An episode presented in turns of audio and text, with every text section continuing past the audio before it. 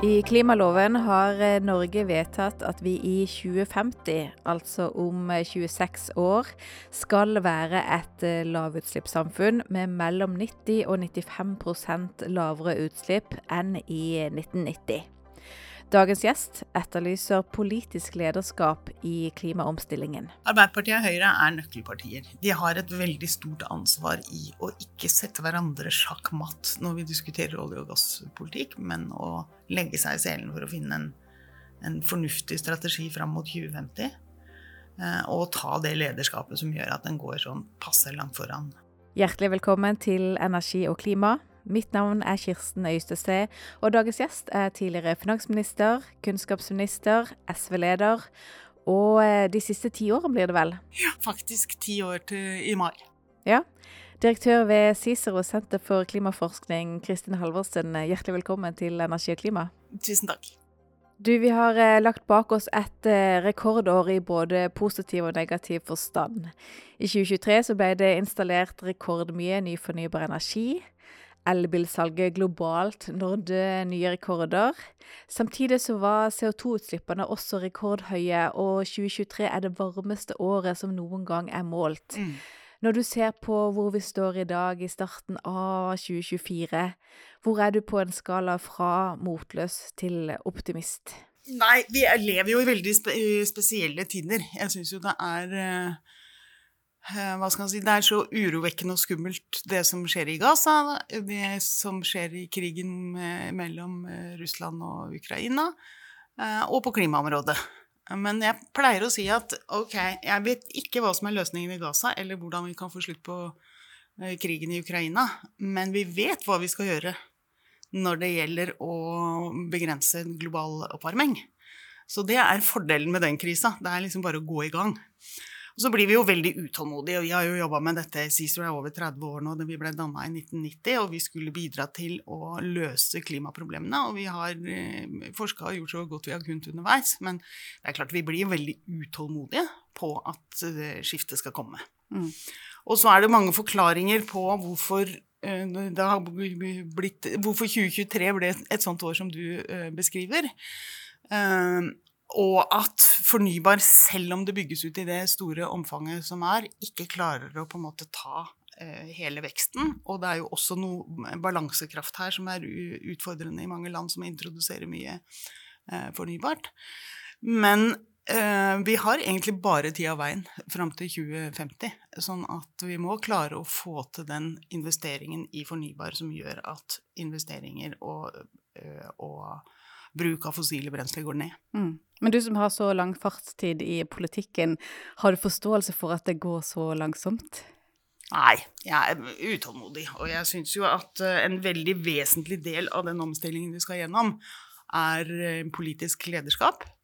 Og politisk lederskap i en sånn krevende situasjon som vi er nå, det er jo å gå foran, men å gå passe langt foran, sånn at en får folk med seg, og at det ikke liksom blir backlash ved neste valg. Men da må du ha en visjon og et mål og be folk om å bli med på de virkemidlene som uh, trengs uh, for å gjøre det. Uh, og så får man jo heller finne ut av om det er noen fordelingsvirkninger eller noe som, som på en måte også må håndteres i en sånn omstilling, som vi kan løse på andre måter enn å gjøre det vi skal bruke mindre av, billigere. Mm. La oss snakke litt om Norges omstilling, for du var jo medlem i Klimautvalget 2050. Ja. Et uh, ekspertutvalg som utreder hvilke veivalg Norge står foran da på veien til uh, lavutslippssamfunnet. Og når du ser den mottakelsen som arbeidet og anbefalingene har fått, er vi omforent om at vi skal kutte omtrent alle utslipp til null, og hva det innebærer? Nei, det tror jeg faktisk ikke vi kan si at vi er. At, man, at alle på en måte skjønner hva betyr det å gjennomføre Parisavtalens mål eh, i Norge. Eh, men jeg syns at mye mange av de liksom, perspektivene som vi tok, har egentlig festa seg ganske godt allerede i tankegangen, og så må vi jo på en måte ta det derfra. Og en viktig ting som utvalget gjorde, var å ikke liksom, konsentrere seg om hvor mye prosentreduksjoner skal vi ha neste år og de fram til 2030 og 2040, men vi satt passeren på en måte i 2050 og sa ok, når klimaloven sier at vi skal redusere norske utslipp med 90-95% innen 2050, hvor mye utslipp har vi igjen da? Og vi slipper ut ca. 50 millioner tonn CO2 eh, hvert år i Norge. Det betyr at 5-10 av det er 2,5-5 millioner tonn. Det er utrolig lite. I dag slipper norsk landbruk ut nesten eh, 5 millioner tonn bare der. Mm. Og det er en sektor som vi ikke kan forvente å komme helt til null eh, i, fordi at det er utslipp knytta til biologiske prosesser. Og så er det utslipp knytta til, til eh, produksjon av olje og gass, som uansett hvor mye vi elektrifiserer, vil være noe i 2050. Og utover det så er det kanskje ikke noe igjen til noen andre. Og det tror jeg begynte en diskusjon som så på disse utslippene som et knapt gode. Så er det én ting til i 2050 som nok ikke har gått helt inn over alle bransjer og alle sektorer, og det er at alle land skal jo til null i 2050. Og det betyr at det vil ikke være noen kvoter å få kjøpt. Hvis det er noen små igjen, så er de kjempedyre eller i juksekvoter. Så vi kan ikke belage oss på å oppfylle Parisavtalens mål på samme måte som vi har oppfylt våre forpliktelser til nå, gjennom å ikke redusere i Norge, men stort sett, men å kjøpe kvoter andre steder. Og det betyr jo også at eh, alle næringer så godt som må til null. Eh, og det må de ha en strategi for nå. Og det er jo noe av det man kommer til å bli krevd av når eh, bærekraftsdirektiv og andre bestemmelser i EU blir gjennomført, og man blir pålagt å rapportere på dette. Eh, og vi er bakpå. Veldig mange næringer i Norge er bakpå. Eh, og har ikke helt skjønt hva slags omstilling vi skal eh, gjennomføre. Mm. Hva kommer det av? Eh, jeg tror vi for lenge har lent oss på um, olje- og gassvirksomhet. Vi må ha noe olje og gass i energimiksen framover. Og så har, litt, så har, mange tenkt at ja, er, våre dråper er de siste dråpene. og det virker jo bare rettferdig for oss, og ikke for noen andre i hele den store, vide verden. Um, og en, kanskje en illusjon om at noe av det som har vært konkurransefortrinnet vårt til nå, nemlig billig kraft At vi kommer til å ha det videre framover, og det er det veldig lite sannsynlig at vi kommer til å ha. Så når vi skal utvikle nye næringer og eh, omstille oss til et lavutslippssamfunn, eh, få til en mye mer sirkulær økonomi, så må vi antagelig tenke annerledes enn det vi har eh, gjort det nå. Mm. Så var det en annen ting også som utvalget har altså Det der med å sette passerne i 2050 og se hvor lite utslipp har vi igjen. Eh, det var liksom én knagg. Og den andre er at det er mye knappere ressurser vi skal benytte oss til omstilling enn det vi egentlig har gått rundt og tenkt på. Ikke sant? Jeg har vært innom det der med utslipp. Vi har en, litt, en liten, Det er liksom sånn Så mye hadde du, så mye ga du bort, så mye hadde du igjen. Det er bitte lite grann sand igjen i den derre neven eh, som er utslipp. Men også når vi lar liksom eh, de forskjellige eh, næringenes veikart til lavutslippssamfunnet oppå hverandre. Mm. Alle har jo laget sånne veikart som viser hvor de skal Ikke henne. Sant? Mm. Og det som blir veldig slående da, det er at vi har ikke fornybar kraft nok til å realisere de planene eh, som vi har. Og da kommer vi jo innom på en måte nært de konfliktene som vi kommer til å få mer av framover òg, eller la oss si veivalg, da. Fordi at den tredje erkjennelsen er vel at areal er også et knapt gode. Og det, for meg er det helt sprøtt. Når du er liksom i Nederland eller Danmark eller rundt omkring, og så sier jeg ja, men i Norge er det noe vi har nok av, så er det plass. Og så plutselig har det arealet en verdi som vi ikke har tatt inn over oss i det hele tatt. Ikke? Vi bare det. det er jo gratis. Hvis du bygger en vei, så betaler du ikke noe for naturen. Du beregner ikke hva slags kostnader det har heller. Og det er, handler jo om å kombinere klimahensyn og naturmangfold. Var det en erkjennelse som gikk opp litt seint for deg også? Ja, jeg er egentlig veldig overrasket. Jeg har jo holdt på med dette her i tiår på tiår. Eh, men når du ser hvor mye CO2 som lagres i vårt jordsmonn, i vår bakke, sammen med hvor ukritisk vi har bygd ut natur og liksom splitta opp naturområder Én ting er jo at det ser grønt ut, dette landet, men hvis man eh, vi har jo bygd veier akkurat der det liksom Der vi skal. Annet, nei, ikke sant. Vi har bare tenkt at ok, men hva er korteste veien fra A til B? Vi bare eter oss gjennom de fjella og tar den myra som trengs, osv. Og, og så har vi også splitta på en måte delt opp eh, landet sånn at verdien av naturen uh, blir mindre. Og vi må tenke helt annerledes rundt det. Uh, og det kommer til å være en, en, eh, en betydelig utfordring framover. Vi må på en måte snu huene våre og tenke hvordan kan vi bruke det vi allerede har bygd ut. Mm. Hvordan kan vi forbedre en veitrasé som vi allerede har? Hvordan kan vi tenke at den tåler tre felt og ikke fire felt? Skal, kan vi velge å ha 90 km i timen istedenfor 110? Eh, mens i dag er liksom forteste vei fra A til B det er det mest samfunnsøkonomisk lønnsomme. Men det blir det ikke når du tar med verdien av natur. Nettopp den erkjennelsen. Eh, har da kommunene for mye makt over arealbruken?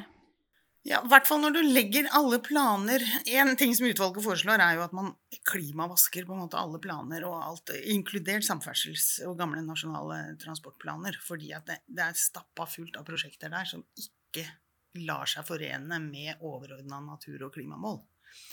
Eh, så vi må kvitte oss med noe av dette. Og når du ser på hva kommunene har av planer samla sett, så er det fremdeles veldig mye områder som er satt av til ny hyttebygging. Eh, noe til samferdsel, noe til næringsvirksomhet osv. Så, videre. så de rammene som kommunene skal operere innafor, må bli mye tydeligere for eh, kommunene. Eh, og det er selvfølgelig kontroversielt, for det er noe av det som mange distriktskommuner har én ting å lokke med, ikke sant? og det er plass. ja. Og de kan lokke næring til seg, og, og, og, det vil jo ha stor betydning, for det er jo ingen kommunepolitiker med respekt for seg sjøl som sier at nei, dette Her skal vi ikke ha noe vekst og framgang i vår kommune. Eh, vi skal bare stadig bli eldre, og til slutt så, så eh, er det liksom Ja, ikke sant? Så er det ikke noe igjen. Det er jo ingen som planlegger for. Sånn at å klare å få en overordna plan som også gir noe kommunalt handlingsrom, det er jo uh, utrolig viktig. Men, men, det naturtapet som vi har hatt til nå, viser jo at det er veldig vanskelig for én kommune å ta ansvar for en helhet. Når du sitter og tenker at hvis ikke vi får dette Ikea-anlegget eller, natur, eller eh, næringsbygget, så er det nabokommunen som får det. Så noe må vi gjøre her. Det er helt uh, opplagt. Men har du en løsning på det? Så når du sier må ha strengere rammer, hva konkret ville det innebære? Eh, det betyr f.eks. at nå er det mange kommuner som allerede har innført naturnøytralitet som et prinsipp. Det bør man jo uh, tenke er et, en, et godt grep. Og at man regulerer strengere i forhold til tap av, av natur. Vi har jo forplikta oss også i forhold til den internasjonale naturavtalen på å verne og, og ta vare på større deler av vår egen natur. Og det er klart det må bli nasjonale retningslinjer.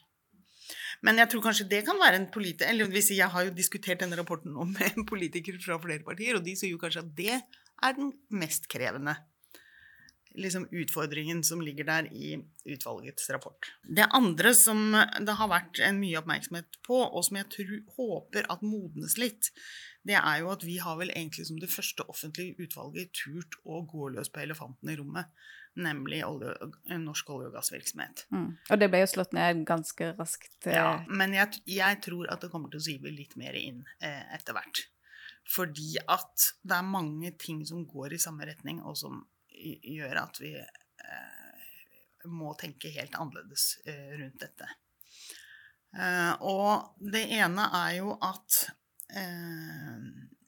med de planer og ambisjoner som norsk olje- og gassvirksomhet har, så er det veldig vanskelig å se at det er i tråd med Parisavtalens mål.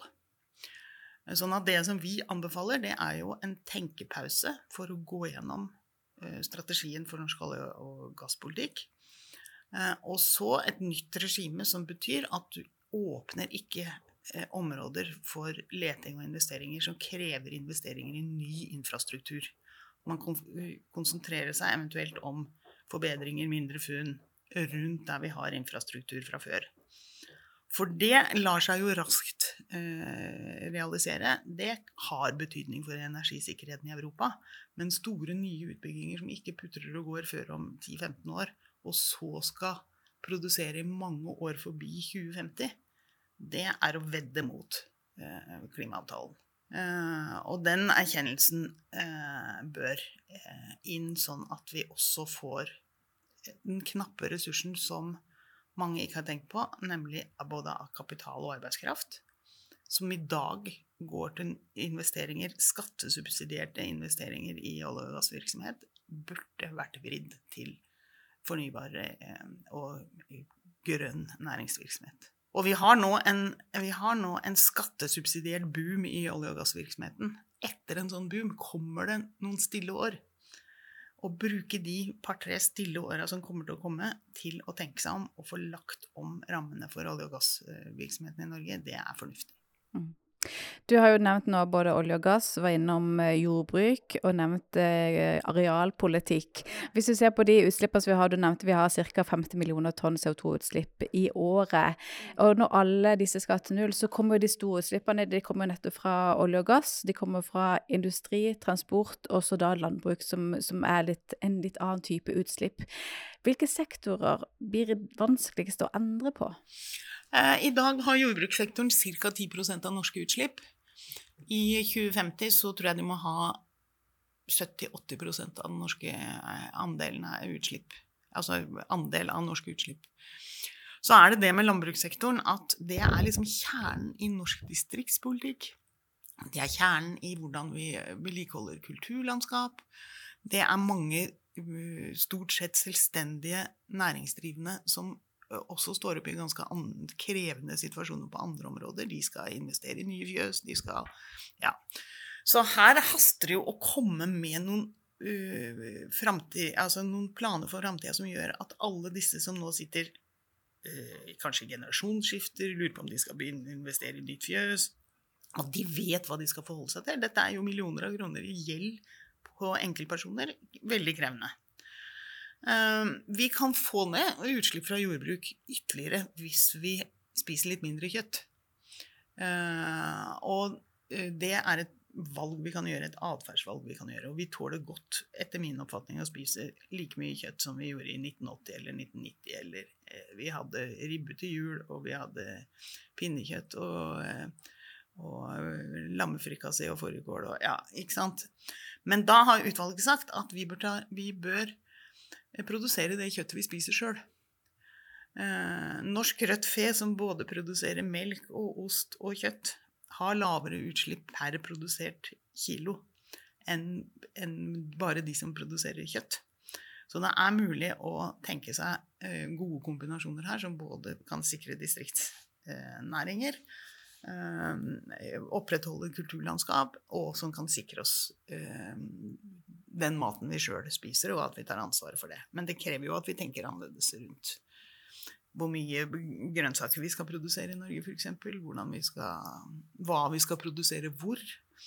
Eh, fordi at mye av dette eh, dyreholdet har jo vært altså i Tankegangen vår har vært at de skal være i distriktene for at de skal kunne bruke utmark. Mens nå ser du at det sentraliseres mer og mer på deler av den jorda som kunne vært brukt til å produsere korn eller, eller grønnsaker. Så noe må gjøres her. Eh, det er utfordringer da både i landbruk, i eh, olje og gass. Eh, vi har ikke vært innom eh, industri og transport, men det går ikke av seg sjøl det heller, selv om vi har en del av løsningene. Så hvilket politisk lederskap er det klimaomstillingen krever? Ja, For det første så tror jeg vi må klare å få til en aksept for å bygge ut mer ny fornybar eh, kraft. Eh, det særlig, og det som virkelig monner på kort sikt, er vindmøller på land. Eh, vindmøller til havs kan komme på et eller annet tidspunkt. Foreløpig er det veldig dyrt. Eh, og vindmøller på land har kommet i en, hva skal si, en miskreditt. Eh, og vi gjorde en feil i forhold til hvordan vi introduserte det, fordi at det ble gitt konsesjoner det tok lang tid før de konsesjonene ble bygd ut. De vindmøllene som kom, var større enn de folk følte at de hadde sagt ja til. Det var ikke noen verdier igjen i de lokalsamfunnene som fikk ulempen eller brukte naturen sin til å øh, gi plass øh, for vindmøller. Og man så heller ikke hvilke arbeidsplasser som fulgte av ny fornybar kraft. Og alt dette er jo nå egentlig justert. Eh, spørsmålet er om det er godt nok, men, men eh, det er på en måte den ene biten. Det må være noe verdiskapning igjen, sånn at de som gir fra seg natur, ser at de får noe igjen for det. Men vi kan også i, i, før man setter opp en eneste vindmølle eller lager en eneste vei mellom disse vindmøllene, tenke helt annerledes rundt naturbruk. Eh, og vi kan se på områder som kanskje er allerede har inngrep, eh, og ikke bare helt jomfruelig natur. Vi kan kanskje redusere noe på vind, eh, eller maksimal vindkvalitet hvis vi kan klare å få lagt ting bedre i terrenget. Vi kan planlegge i forkant på en sånn måte at det er mye enklere å restaurere et område som er brukt til vindmøller, etter at de er demontert igjen. Eh, og hvis vi får til det, så kan vi jo ha ambisjoner på, på grønn industri som eh, også krever kraft. Men vi, vi kan ikke regne med at vår kraft kommer til å være veldig mye billigere enn i resten av verden.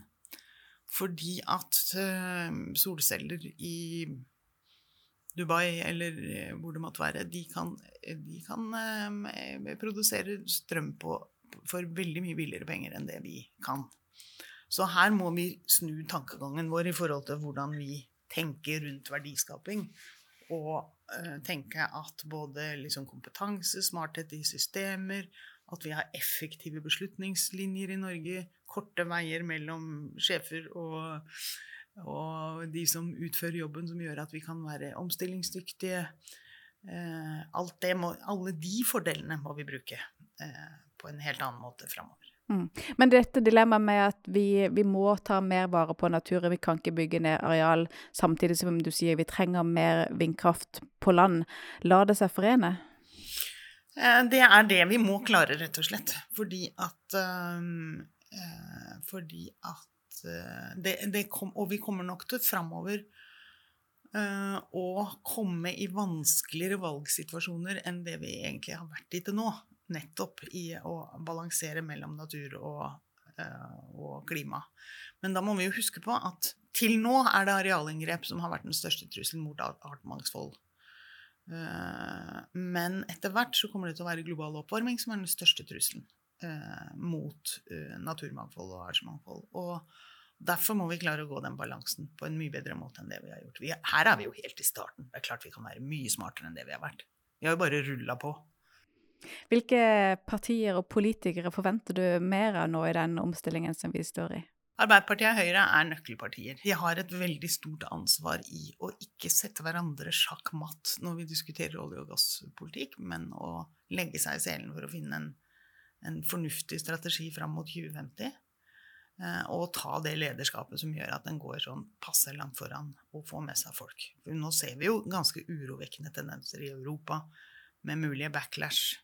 Eh, landbrukssektoren i flere land som eh, gjør opprør. Sånn at det, det der er Og det er Det er litt sånn fremdeles litt underkjent egentlig sånn i klimaforskning, klimakunnskap eh, også. Vi har vært så opptatt av vi må ha teknologien, og vi må ha pengene til å få det. Vi har begge de delene.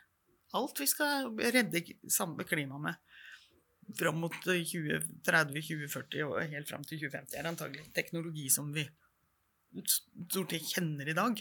Kan sikkert effektiviseres og kan sikkert skje noe, men, men det som jo kan stenge oss, er aksepten for de tiltakene som vi skal gjennomføre. Sånn at å ha kunnskap om hvordan du setter politiske mål, lager pakker, eh, sikrer arbeidsplasser, sikrer eh, velstand mens vi gjennomfører eh, omstillingen, eh, det er det viktigste som jeg kan se det. Og da har vi jo egentlig mange eksempler på at Norge har forandra seg, verden har forandra seg i, i, riktig retning på veldig mange områder som vi i dag tar som en selvfølge. Så jeg har et eget sånt oppmuntringsforedrag for desillusjonerte klimaforskere. om røykeloven? Så, ja, om røykeloven, men også ja, Alt med bil er jo helt, det er jo helt sinnssykt hvor mye eh, dødsfall knytta til trafikken eh, blant de voksne, men ikke minst blant barn, som vi aksepterte da bilen var eh, liksom der restriksjonene på å kjøpe bil var over, og det var liksom det store statussymbolet. Men vi forlangte jo å parkere overalt, og at bilen skulle Det var planer om firefelts motorvei gjennom Frognerparken i Oslo, liksom. Det var eh, Men ikke sant, også veldig mange andre eh, forandre alle medievanene våre. Eh, hvor kontroversiell barnehager var på midten av 70-tallet. Var det folk skjelt ut for å være dårlige mødre og pystefedre og alt hvis de var for det som vi i dag tenker er noe av det viktigste velferdstilbudet vi har. Så det her, men det krever, politisk lederskap. Men du nevnte Arbeiderpartiet og Høyre, det er de som er nøkkelpartiene her. Eh, har vi noen historier, hvis vi ser litt tilbake, der de har gått sammen på bakrommet og funnet viktige løsninger? Vi har hatt klimaforlik i Stortinget, og det anbefaler jo også utvalget. Men det er klart det må være ambisiøse klimaforlik. Hvis det er samling i bånn, så er det ikke så mye verdt. Eh, vi har mange egentlig reformer. Pensjonsreform, store skatteforlik. Det som er krevende her, er at vi må se Vi må jo se alle sektorer i sammenheng. Vi må også styre samfunnet på en annen måte enn det vi har gjort til nå. Fordi at det er en Dette er liksom ikke en sektorpolitikk. Det griper inn i alt. Det er, liksom, kanskje er Nasjonal transportplan det viktigste klimavirkemidlet vi har de nærmeste åra. Eh, alt vi gjør på bygg og utbygginger, alt vi gjør på energi, alt vi tenker på i forhold til hva vi eh, kaster, og som kunne resirkuleres, og bygge helt nye næringer. Alt, alt det der må samkjøres på en helt annen måte. Mm. Men tror du Arbeiderpartiet eller Høyre er mest modne for å ta en sånn eh, initiativ til et eh, til en enighet om en ny oljepolitikk for, eh, for omstilling? Um, jeg uh, håper at de, um, at de tar det ansvaret, og at de ikke først og fremst er liksom opptatt av å slå hverandre ned når noen begynner å, å tenke på det. Hadia Tajik har jo skrevet en bok som egentlig er veldig nær anbefalingene av det som utvalget eh, kommer med. Den diskuteres jo eh, i Arbeiderpartiet nå. Eh, hva som foregår helt i høyre av diskusjoner, det vet jeg ikke, men de har jo også klare, tydelige, gode klima- og miljøpolitikere. Så er det mye annet ikke sant, med Hvis man går rundt der og drømmer om at Barentshavet skal vi bygge ut Skal vi være aleine der oppe? Jeg så at Energi og Klima hadde en kommentar på det, og det er egentlig veldig tankevekkende. Veldig sårbare installasjoner tett opp mot Russland. Det er ingenting som tilsier at Russland eh, kommer til å oppføre seg som et koselig skandinavisk eh, demokrati de nærmeste uh, tiårene. Så altså det, det, er veldig mye det er, det er, mange ting, ikke bare klima og miljø, som tilsier at vi må uh, tenke annerledes også rundt vår egen sårbarhet og i, i, veldig mye videre forstand enn bare klima og miljø. Mm. Men Du nevnte opprør i Europa for bøndene særlig mm. nå. Eh, og I tillegg så ser vi jo en, en, oppblomstring, en økt støtte til uh, ytterliggående høyrepartier som ønsker å bremse klimapolitikken. Um, og din tidligere regjeringskollega Ola Borten Moe han skrev nylig i Trønderdebatt at når eliten snakker om omstilling, opplever folk flest dårligere tider, mer byråkrati, dyrere varer, muligheter som forsvinner og lavere kjøpekraft. Har han et poeng? Jeg må si jeg syns det er en ganske eh, overraskende konklusjon av hva omstillingen Norge har betydd etter krigen. Det har ikke vært tilbakeslag eller dårligere levestandard eller eh, et dårligere liv. Eh, og jeg syns også det er rart at ikke det kommer fram i den forbindelse at han sjøl har jo betydelige investeringer i olje- og gassektoren. Sånn at det er jo en del av diskusjonen også når han deltar i den offentlige eh, diskusjonen. Mm, men det skapte liksom inntrykk av at klimaomstilling det kommer til å smerte, ja. og det er, de, det er, vanlige folk som, som blir ramma hardest. Mm. Altså, hvordan kan man unngå at det blir den fortellingen? Ja, altså, det, det, som er litt krevende det, det, er jo helt opplagt at de klimaomstillingene vi er inne i allerede, eh, de krever mye. Eh, nå er det 120 mennesker som er dødd i, i skogbrann i, i, Chile. Det er 40 varmegrader der. Det henger sammen. Eh, samme har vi sett i Europa og veldig mange andre land. Eh, men det er fremdeles litt lang vei mellom den omstillingen vi skal gå gjennom, og se resultater liksom på plussida i forhold til de klimaekstremene vi også opplever. Og det er her jeg tror at det, det, politiske lederskapet vi trenger, må koble virkemidler. For vi må omstille den eh, industrien og den produksjonen og det næringslivet vi har. Vi må se i øya at Kina er langt, langt foran oss. Eh, både i, i, produksjon av ny fornybar energi, men også i utvikling av det. Den tankegangen ikke som at vi sitter her oppe i nord og tenker smarte tanker, og så sender vi de eh, tankene til sør, og så produserer de og sender varene opp igjen til oss. Nei, nei. Nå tenker de de smarte tankene sjøl. Eh, sånn at her, her, Og vi har jo Hvis det er ett land som skulle klare å få til det med gode mikser av god velferdspolitikk, og god ny utvikling, så er det jo oss. Så Borten Moe tar feil i den store historiefortellinga si, men det er jo opp til de som er politiske ledere i dag, å klare å koble virkemidler sånn at man ser at, at det er framgang. Men vi har jo ett problem til her, og det er at framgang for oss i den rike hjørnet av verden kan ikke være å uh, forbruke stadig mer Eh, metaller, mineraler, eh, natur. Eh, vi må klare å måle vekst og velstand på en annen måte enn det vi har gjort til nå. Mm. Men ser du at det er mulig å ta noen politiske grep som gjør at den klimaomstillingen vi skal gjennom, blir mer positiv? At man, folk opplever at dette er noe vi ønsker å være med på? Helt opplagt. Helt opplagt. Og jeg tror man skulle tenke gjennom Ta, ta strømstøtte, da.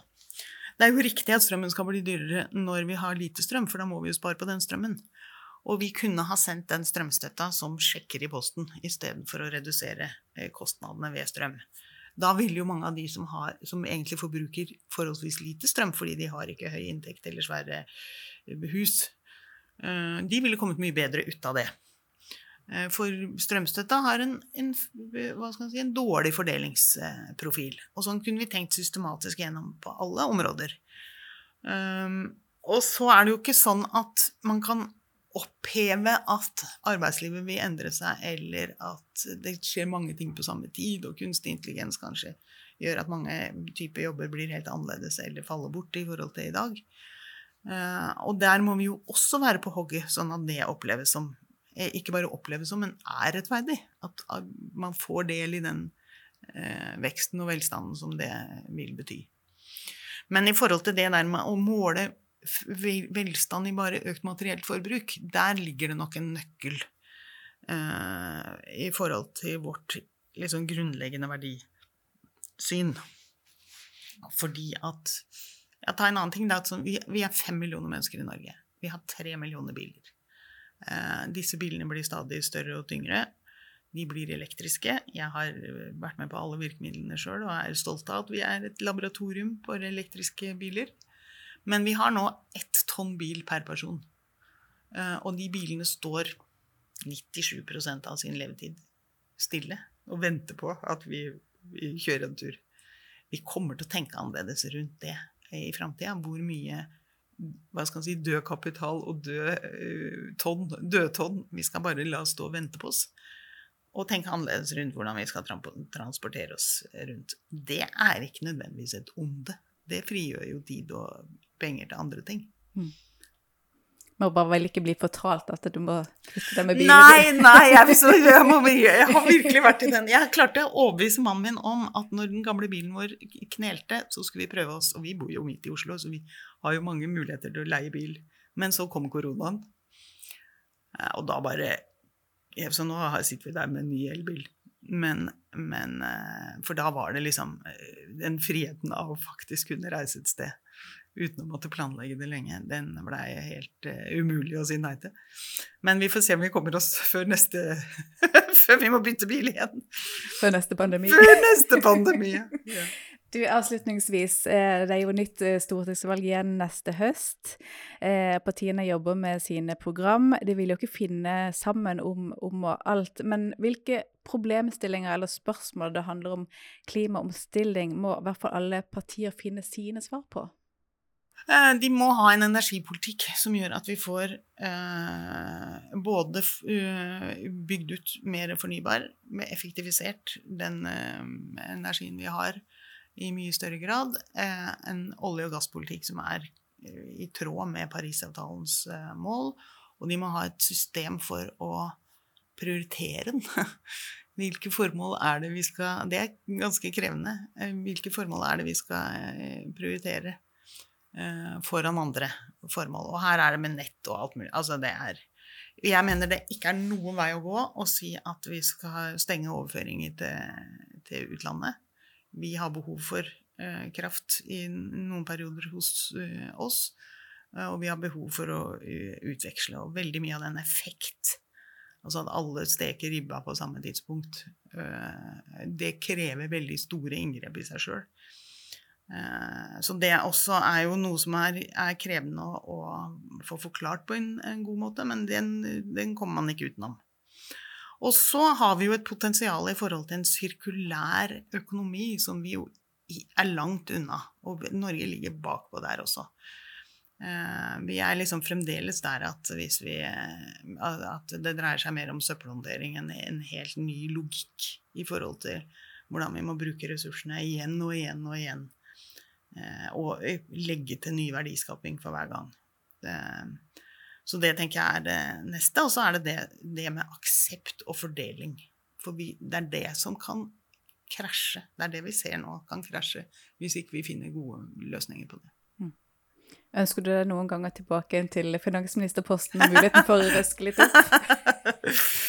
Jeg, er, jeg syns jeg var utrolig heldig, jeg, som, som fikk jobbe med så meningsfylte ting når jeg var ferdig med politikken. For da har du jo fått holde på i, Jeg hadde jo fått holde på i 24 år med ting som interesserte meg så mye. Så jeg håper at uh, Cicero fremdeles uh, bidrar til det, og, uh, og, kommer opp med gode løsninger som kan inspirere politikere til å gjøre de riktige valgene.